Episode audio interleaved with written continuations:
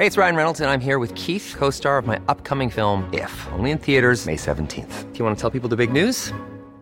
All right, I'll do it. Sign up now and you'll get unlimited for $15 a month in six months of Paramount Plus Essential Plan on us. Mintmobile.com slash switch. Upfront payment of $45 equivalent to $15 per month. Unlimited over 40 gigabytes per month. Face lower speeds. Videos at 480p. Active Mint customers by 531.24 get six months of Paramount Plus Essential Plan. Auto renews after six months. Offer ends May 31st, 2024. Separate Paramount Plus registration required. Terms and conditions apply if rated PG. A lot can happen in three years. Like a chatbot may be your new best friend. But what won't change? Needing health insurance. United Healthcare Tri Term Medical Plans, underwritten by Golden Rule Insurance Company, offer flexible, budget friendly coverage that lasts nearly three years in some states. Learn more at uh1.com. Quality sleep is essential. That's why the Sleep Number Smart Bed is designed for your ever evolving sleep needs. Need a bed that's firmer or softer on either side? Helps you sleep at a comfortable temperature? Sleep Number Smart Beds let you individualize your comfort so you sleep better together. JD Power ranks Sleep Number number 1 in customer satisfaction with mattresses purchased in-store. And now, save 50% on the Sleep Number limited edition Smart Bed for a limited time. For JD Power 2023 award information, visit jdpower.com/awards. Only at a Sleep Number store or sleepnumber.com.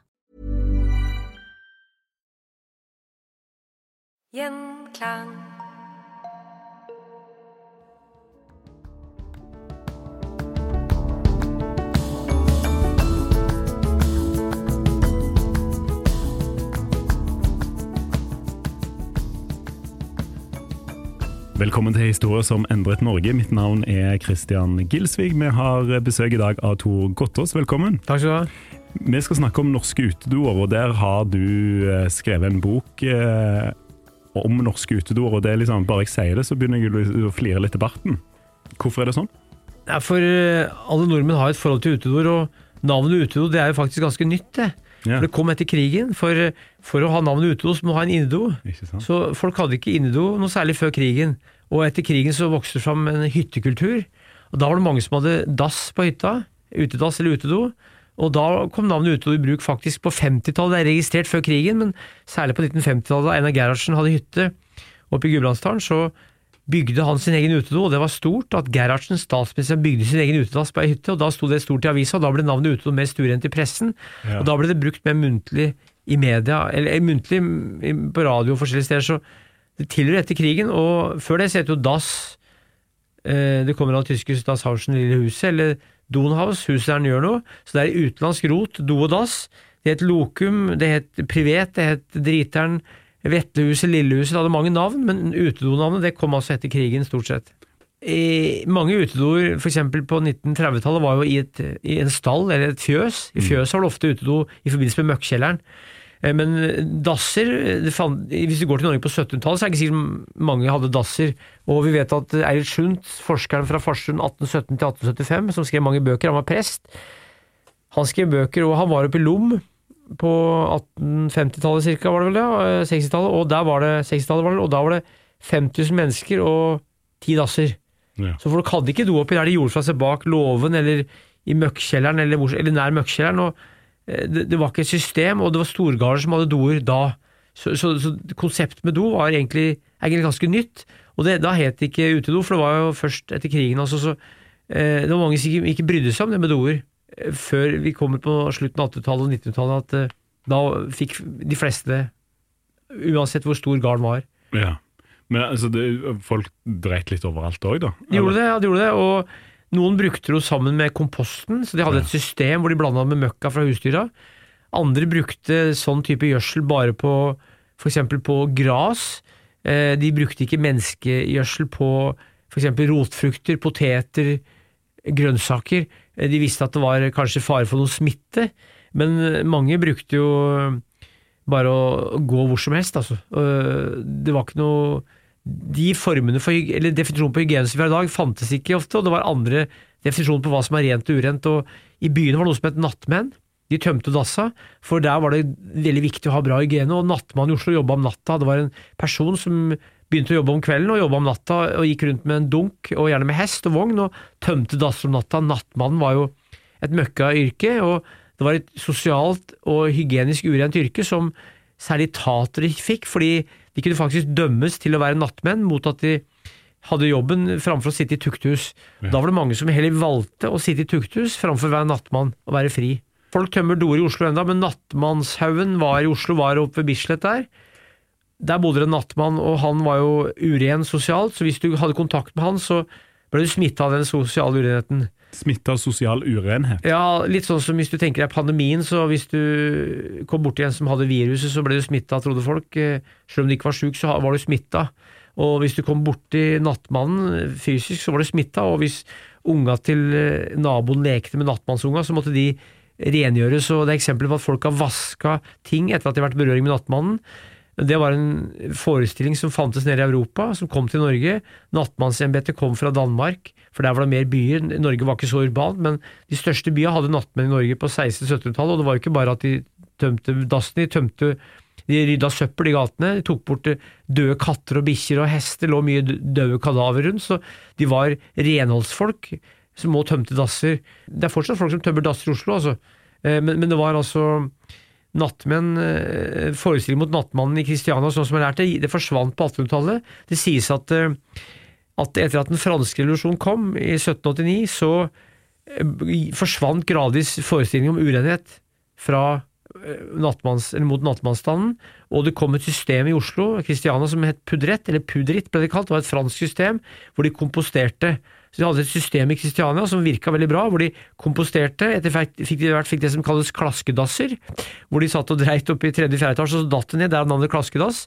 Men de hadde et system med pudrett hvor møkka ble samla i dunker og kjørt med hester, og kjørt på tog etter hvert, som de fikk jernbane, ut i Asker, Heggedal, eh, Lillestrøm, Ås, og brukt på, gartnerier og gårder rundt byen. Så det var et bra system i Kristiania for å ta det, som fungerte etter fransk inspirasjon.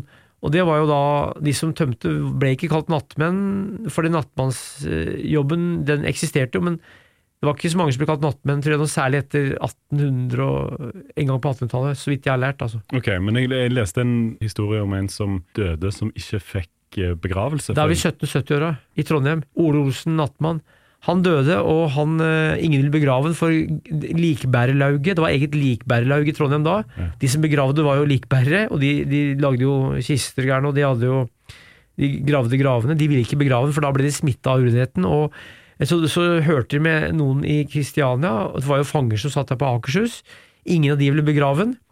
Så du måtte dra ned til København for å få tak i folk som skulle begrave han stakkaren Ole Olsen. Og det var før Bjørn Kjos hadde åpna flyruter mellom København og Trondheim, så det, ikke, det gikk jo seks måneder før det kom til Trondheim, og da var kona død i mellomtida.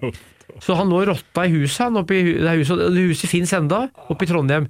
Det var en forferdelig historie, men det var nattmann i Trondheim, og der er det eh, undersøkt ganske grundig hvem som var nattmenn, og flere eksempler på at tatere ble dømt til eh, å være nattmenn. Noen tatere sa ja, noen sa nei, og det var også folk som var nattmenn eksempel ett år, og rømte fra jobben for at eh, det var en møkkajobb, og det var den mest forhatte og dårlig lønna jobben som var. Ikke, ikke, det var ikke dårligst lønna jobben som var, men det var en forhatt jobb. Stilling å være nattmann. Men du kunne altså velge mellom å sitte i tukthuset i Trondheim eller å være nattmann. Det var det som fikk valget gjennom, og ingen var det lenge. Det var en jobb som folk hadde bare kort tid oppi der. Utedoen som begrep kom etter krigen. Ja. Det at eh, man har et eget hus for, eh, for driting, på en måte, det, det må jo ha kommet før. Ja, det var jo eksempler på det på 1700-tallet eh, og på 1800-tallet, men det var mange som ikke hadde det. Og de som hadde det ofte på 1800-tallet, sånn som jeg lærte, det var i Norge, da. Det var jo store gårder som hadde mange ansatte. Det kunne være 20-30-40 stykker som jobba der i åndene, eller enda mer òg. Og da hadde de gjerne mange dasser, eller mange høl, altså. Og større høl var større gårder. Store gårder hadde større høl. Ja, stor, Og, stor- og hvis du f.eks. jobba på i, i, i ånda, så, så gikk jo folk ofte på do samtidig. Så, men, men ifølge Eilersund så var det altså ganske få steder som hadde det på midt på 1800-tallet, men det varierte i bygdene, og det varierte etter størrelsen på bruka. Så, sånn jeg vet det, så var det de store gårdene som hadde det. og eh, Vi vet ikke hvordan det var på 1300-1400-tallet, men eh, det var altså en bevissthet omkring hygiene på slutten av 1800-tallet som gjorde at flere begynte å ha det. For da fikk de samla møkka, og det var jo altså mm, damer som gikk på husmorskole, og det her med hygiene var det ikke alle som visste eh, noe om, eller brydde seg om, mens andre var nøye på det. Og etter hvert var det mange som fikk det altså inne i, på låven, eller i forbindelse med fjøset, for der var det mye møkk uansett. Mm. De lagde gjerne da for eksempel tre høl i fjøset, og to store og et lite, for unger hadde mindre høl. Yeah. Og det var jo trosforestillinger om det som kalles dodraugen. Yeah. Det var et uri som bodde i do, og akkurat som nøkken, så kunne nøkken kunne dra mennesket ned i vannet, så mennesket drukna, så kunne dodraugen dra mennesket ned i do og drukne. Så dodraget var et vesen som visstnok levde i do, og det fortelles at i Oslo så var det jo klaskedasser, og da var det mye rotter på do. Da satt unga og sparka i, eller voksne og sparka i gulvet med beina for å skremme rottene. Så Det var veldig mange som frøs på do, det var veldig mye kaldt. Mange, og Hvis du f.eks. måtte gå fra huset til en utedo, så var det mange som var redde. Unge var redde for å gå ut om vinteren, gå ut i mørket. Så det var mye, mye skrekk og mye fælskap forbundet med å være på do for mange. Og da Isopol kom på 1960-tallet, så ble det varmere å sitte på, på do. altså da Isopol gjorde Det var et framskritt for de som gikk satt på do. Men mange hadde jo bare potter òg. Så det var mange som bare brukte potte og bare slengte den ut. Men det var jo noe som måtte gjøres. Men mange jobba ute, og hvis du jobba ute, så var det jo praktisk å eh, bruke naturen som do, så mange har gjort det. Og vi vet at kong Haakon hadde jo en bærbar do. Han drev og jakta mye sammen med Fridtjof Nansen nede i, nede i Lyngdal, eller i Flesberg i, eh, Flesberg i eh, Buskerud. Og der hadde han fått spesiallagd kongehuset en, en do som eh, en bærer gikk 20 meter bak kongen og bar på ryggen. Så hvis kong Haakon måtte på do, så ble det sagt at han brukte den bærbare doen. Han var kongelig. Og kongen hadde et vennepar eh, på Uranienborg, og der var det hadde alle i den eh, bygården hadde egen do i kjelleren. Og da ble det sagt at folk kikka på kongen som satt på do, for han var jo på do hos gjestene sine, men da hadde de lagd to dører foran kongedoen, så ingen kunne, ingen kunne se Det var ikke kongen sin do, altså, men doen til vennene til kongen, så det var to dører foran eh, dasset så ingen skulle se inn, for de var nysgjerrige og lurte på om kongen gikk på do som andre folk. Ja, ja, ja. Så konger har gjennom historien hatt veldig fine doer, og de første som hadde vannklosett i England, var gjerne konger eh, som da hadde spesialdoer. og det første vannklosettet i Norge var i 1854 på damedoen på Skiblaner. Det var det første vannklosettet i Norge, og det første som hadde i hus, det var familien Andresen, de som eide Tidemanns tobakksfabrikk. De hadde et hus i Storgata Kristiania. I 1850-åra, 57 var det vannklosett det første i Norge, og det første hotellet var Grand Hotel på Karl Johan. Og det sies at folk kom dit, eh, og det var sightseeing, og det ble, de tok betalt for at folk kom inn på rommet for å se på, og det kosta litt ekstra for å trekke opp doen. Så engelske turister som var rike, og som var i Oslo, de, i Kristiania, de bodde på Grand og fikk et eget rom med vannklosett, for der var det, de lå foran oss innen vannklosett. ja, Men få hadde vannklosett i Norge før 1900. ja. I Norge så kom jo kong Haakon i 1905, og da hadde mange begynt å lese ukeblader. Det var billigere å trykke ukeblader, flere hadde råd til å kjøpe det, og de satt gjerne på do og leste ukeblader. I tillegg så brukte de ukebladene og avisene som dopapir, for det var jo ikke noe særlig dopapir før 1900. Dorullen er en amerikansk og engelsk oppfinnelse som kom på andre halvdel av 1800-tallet. Før det så brukte de bare hva som helst. Kvister, bark, mose og eller vanlig gras, kanskje. Og da kongen kom hit, så tørka de seg ofte med ukeblad eller aviser, men de kunne ikke tørke seg med kongen. Nei. Så da oppsto skikken med å henge kongen på doveggen. ja for da satt de på do og reiv Ja. ut kongen. Og hang bildet av kongen og dronninga Ja. på veggen. Og Det er en norsk og svensk skikk som oppsto i Norge altså etter 1905. Jeg vet ikke om den oppsto i Sverige, men kanskje omtrent samtidig. Men i andre land, f.eks. Japan, hvis du har bilde av keiseren på veggen, så blir du kanskje arrestert. I, i Spania kanskje, får du kanskje bot hvis du blir av kongen, så det er noe som eh, har jeg lært til i hvert fall bare Norge og, Norge og Sverige. For i Sverige var det mye av samme dokulturen som i Norge. Svenske utord er jo ganske, ganske like Norge. og Eh, Det er jo forska faktisk på utedoer i Sverige, mer enn i Norge òg.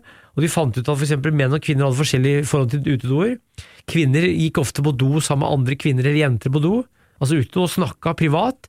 eh, Og ca. halvparten av jentene som vokste opp i Sverige på 1930-tallet med utedo, de hadde hørt om sex for første gang på en utedo av mora eller, søstera eller venninner. Ja. Og gutta drev ofte med pek, satt og kilte damene under med brennesle eller med geiterams, og, og, og kikka på jentene. Så det er masse historier om det. Så utedoen hadde forskjellig betydning for menn og kvinner, og kara kunne kanskje bare gå og pisse bak et hjørne, mens jentene ofte gikk eh, på, på doen. Altså, så Ja. Fortsatt er det sånn at eh, det er ikke så ofte på en fest at to gutter spør om å eh, hverandre må bli med på do, men fortsatt kan jenter gjøre det for å gå og prate litt og sminke seg og gjøre noe dameting i Ja. privat. Så det er fortsatt litt forskjell. og vi hører jo det at flere jenter var redd på do. De var redd for at det skulle være dodraugen. De var redd for å falle ned i do. Og de var redd for at noen gjorde noe tull, for det var mange som drev og tulla på skoler. Så vet vi at gutter kunne klatre opp i do og ta på damene. og Det har vært mye pek på, på utedoen gjennom tidene. Ja. Men kanskje det er en grunn til at eh, jentene vil gå sammen òg, da.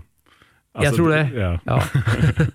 Eh, men, eh, så, men da er det en forklaring på, på kongebildene da, Mhm. på, på veggen. Men det er jo også liksom sånn Det der hjertet da, i døra, er det, Det er en damerumpe opp ned, og det er for å få lufting. ja, det er Så det er et internasjonalt symbol som finnes i mange land, har jeg lært. Eh, og det er jo damerumpe opp ned, og det er jo fint å ha lufting på en do, det er helt naturlig det. Og det passer jo bra med et hjerte, så jeg vet ikke når den skikken oppsto, men den, den fantes i hvert fall tidlig på 1900-tallet, men mulig at den ikke er så gammel, men den finnes i flere land. Hey, it's Ryan Reynolds, and I'm here with Keith, co star of my upcoming film, If, only in theaters, May 17th. Do you want to tell people the big news? All right, I'll do. it. Sign up now and you'll get unlimited for $15 a month and six months of Paramount Plus Essential Plan on us. Mintmobile.com slash switch. Upfront payment of $45 equivalent to $15 per month. Unlimited over 40 gigabytes per month. Face lower speeds. Videos at 480p. Active Mint customers by 531.24 get six months of Paramount Plus Essential Plan. Auto renews after six months. Offer ends May 31st, 2024. Separate Paramount Plus registration required. Terms and conditions apply if rated PG. Quality sleep is essential. That's why the Sleep Number Smart Bed is designed for your ever evolving sleep needs. Need a bed that's firmer or softer on either side? Helps you sleep at a comfortable temperature? Sleep Number Smart Beds let you individualize your comfort so you sleep better together. JD Power ranks Sleep Number number 1 in customer satisfaction with mattresses purchased in-store. And now, save 50% on the Sleep Number limited edition Smart Bed for a limited time. For JD Power 2023 award information, visit jdpower.com/awards. Only at a Sleep Number store or sleepnumber.com. Hey there, it's Michelle Norris. I'm host of a podcast called Your Mama's Kitchen. When I travel, I'm usually looking for a way to find a taste of home when I'm not at home. And one of the things I love to do when I am at home is entertain. And Airbnb allows me to do that. When I was in California recently, I rented a house that had a great kitchen. And when we were sitting around the table, we we're all thinking, we're in someone else's house. Someone could be in all of our homes as well. If you have a home, but you're not always at home, you have an Airbnb. Your home might be worth more than you think. Find out how much at airbnb.com/slash host. Hvordan står utedoen i dag? Det står sterkt, for Norge er et hytteland. Vi er, har vel over en halv million hytter i Norge, og ca. 5,3-5,4 millioner innbyggere. De fleste etniske nordmenn, for å si det sånn, de har jo enten tilgang på hytte gjennom at de eier sjøl, eller har familie eller slekt, så mange har venner som har hytte, så de fleste nordmenn har egentlig et forhold til utedoen. Hvis du er over 30 år, så har du vært på hytte med utedo. Jeg sjøl vokst opp med to hytter med utedoer. Dama jeg bor sammen med, har hus på Sørlandet eh, med utedo, og har hytte på fjellet med utedo, så det å gå på utedo er noe som mange har gjort. og eh, Jeg syns ikke det var noe plagsomt å gå på utedo. Jeg vokste opp i et hus med vanlig vannklosett. Det ble for øvrig kalt maskindriter i begynnelsen. Mange gamle ville ikke bruke vannklosett, de mente at det, at det kanskje kom noen og tok det og dro det ned i dass, eller de var redde Ja. for hva som skulle skje. Så, så jeg har jobba mye på en gard som heter Gjestvang på Næs i Hedmark, på Hedmarken, og der har jeg aldri vært inne på do i huset. Jeg har alltid brukt enten pissa bak låven eller gått på utedassen. Og den brukes fortsatt om sommeren når folk står i silokummen. Jeg har vært eh, mye i silokummen der og måkt gras. Så utedoen finnes fortsatt på hytter, den brukes fortsatt en god del. og mange nordmenn har smykka ut eh, utedoen eh, med bilder. eh, Damer eh, dekorerer vegger og sånn. Så vi har en eh, ganske rik utedokultur i Norge. Og hvis du ser på antall mennesker som jeg sa, og antall hytter og feriehus, så er det mange som har fortsatt tilgang på det. Og i dag finnes det moderne biodasser som kan brukes som, som du kan gå på dass et år, og så er det bare en ert som blir igjen av avføring. Så det er varianter som er nye, som ikke er gamle. så det Muligheten er ganske store til å ha utedass uten å ha den gamle typen òg. Er det her det er litt sånn unikt med, no med norske utedoer? At de har en litt sånn av en eller annen grunn litt opphøya status?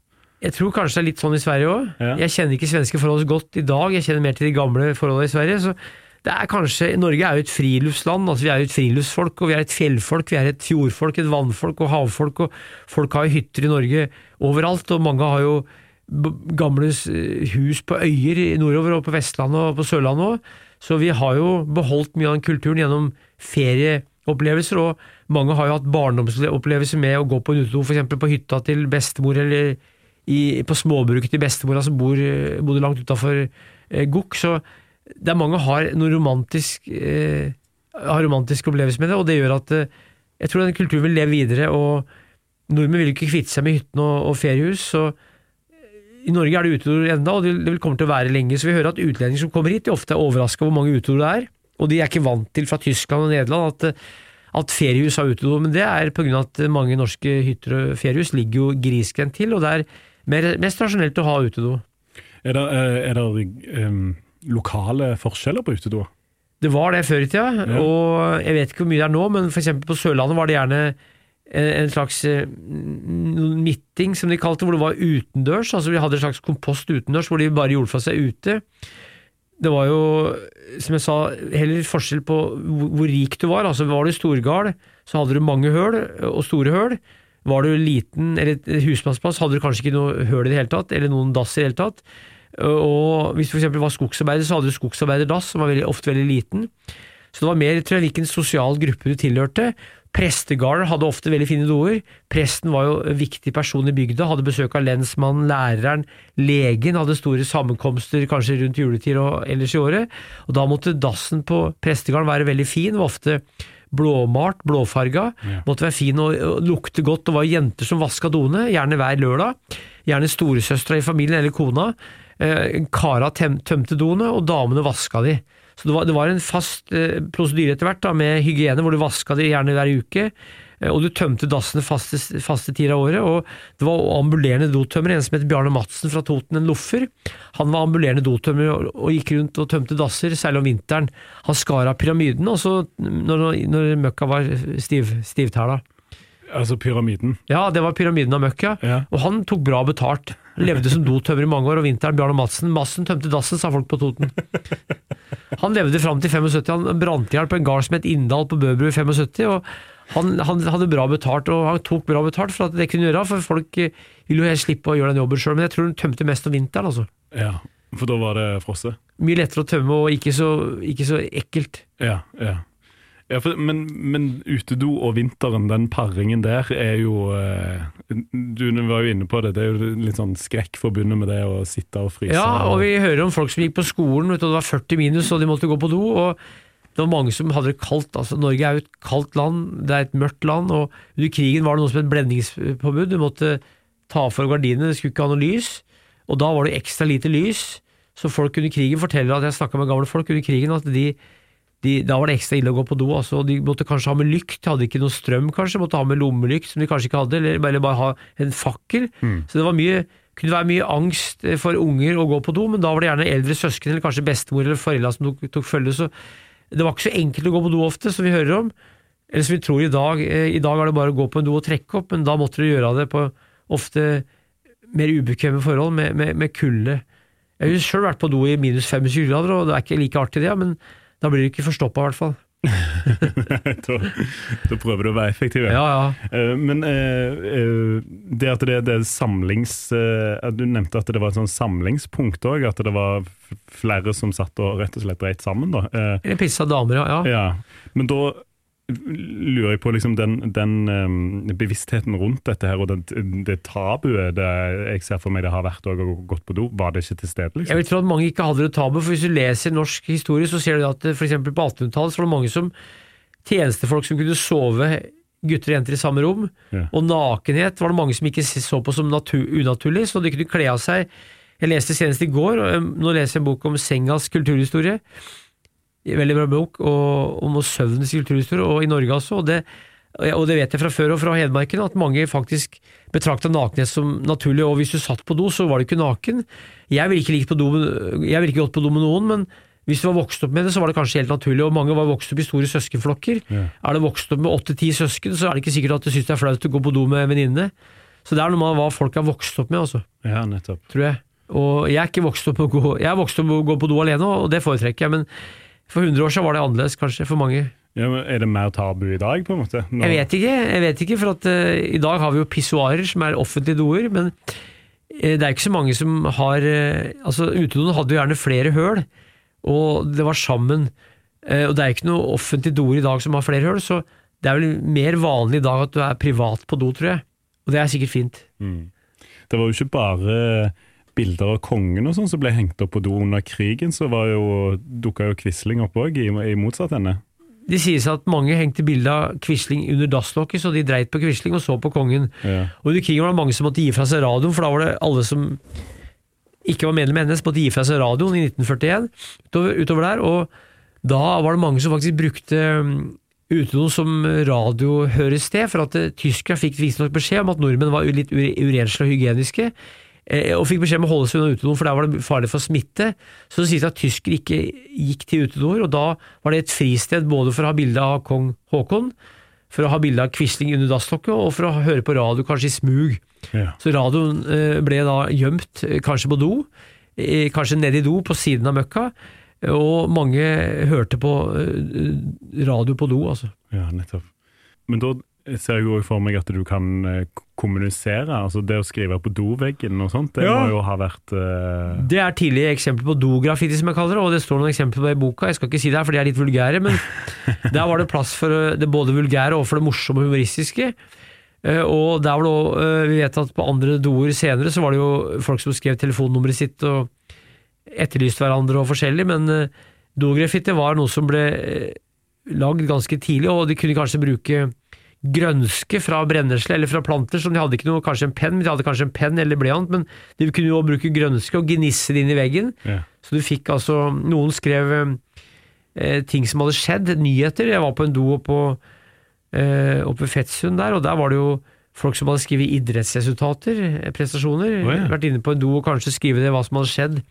Så det var en slags nyhetskanal på veggen, og eh, andre skrev eh, ting som var bare dikt, for eksempel. Altså ikke erotiske eller vulgære, men de satt og skrev ting som de, falt, de fant på mens de var på do. Hva var motivasjonen her, da? Å, å fortelle videre? For å ha noe å gjøre, tror jeg, og for å Ja. fortelle videre. Og mange jo, har jo skrevet klø, jeg er av de som har det selv, og jeg har sjøl skrevet på dovegger flere steder. Og noe av det jeg har med i boka, det, tatt, det har jeg huska Det har jeg lest på do- dovegger rundt omkring, det har jeg overført til boka. Ja, Mobilen må jo ha tatt over for den eh, Jeg tror det, altså. jeg tror det, ja. Og vi vet jo at eh, en kar i Drammen, som det står i boka, han mista mobilen nede i do, holdt på og dukka ned da, så kom ikke opp, måtte reddes ut av brannvesenet.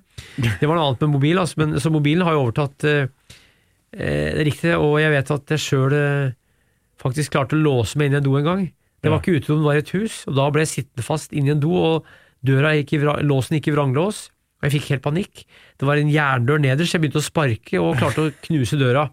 Men det var før påske, så jeg var forberedt på å sitte her i ti dager og drikke vann av doskål og overleve. Men jeg klarte å komme meg ut. Altså. Det var i Nord-Trøndelag.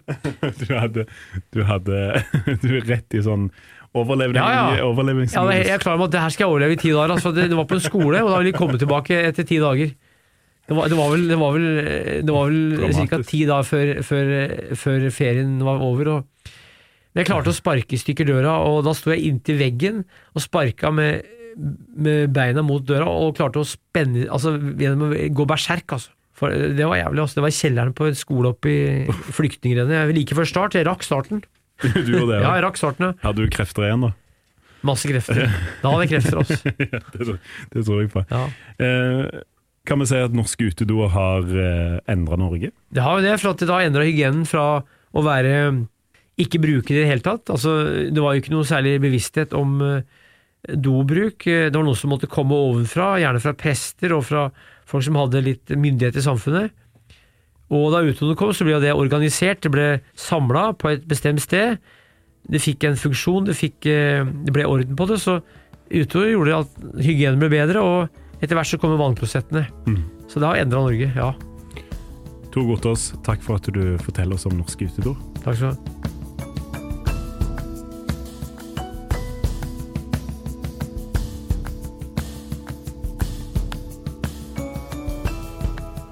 Følg historier som endret Norge på Instagram. Der legger vi ut bilder og videoer som er relatert til episodene. Der kan du òg komme i kontakt med meg om du har episodeønsker. Vi ses der. Gjenklang.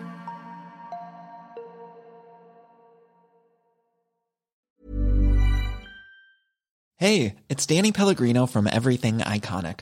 Ready to upgrade your style game without blowing your budget? Check out Quince. They've got all the good stuff shirts and polos, activewear, and fine leather goods, all at 50 to 80% less than other high end brands. And the best part? They're all about safe, ethical, and responsible manufacturing. Get that luxury vibe without the luxury price tag. Hit up quince.com slash upgrade for free shipping and 365 day returns on your next order. That's quince.com slash upgrade. When you make decisions for your company, you look for the no-brainers. If you have a lot of mailing to do, stamps.com is the ultimate no-brainer. Use the stamps.com mobile app to mail everything you need to keep your business running with up to 89% off USPS and UPS. Make the same no-brainer decision as over 1 million other businesses with stamps.com. Use code PROGRAM for a special offer. That's stamps.com, code PROGRAM.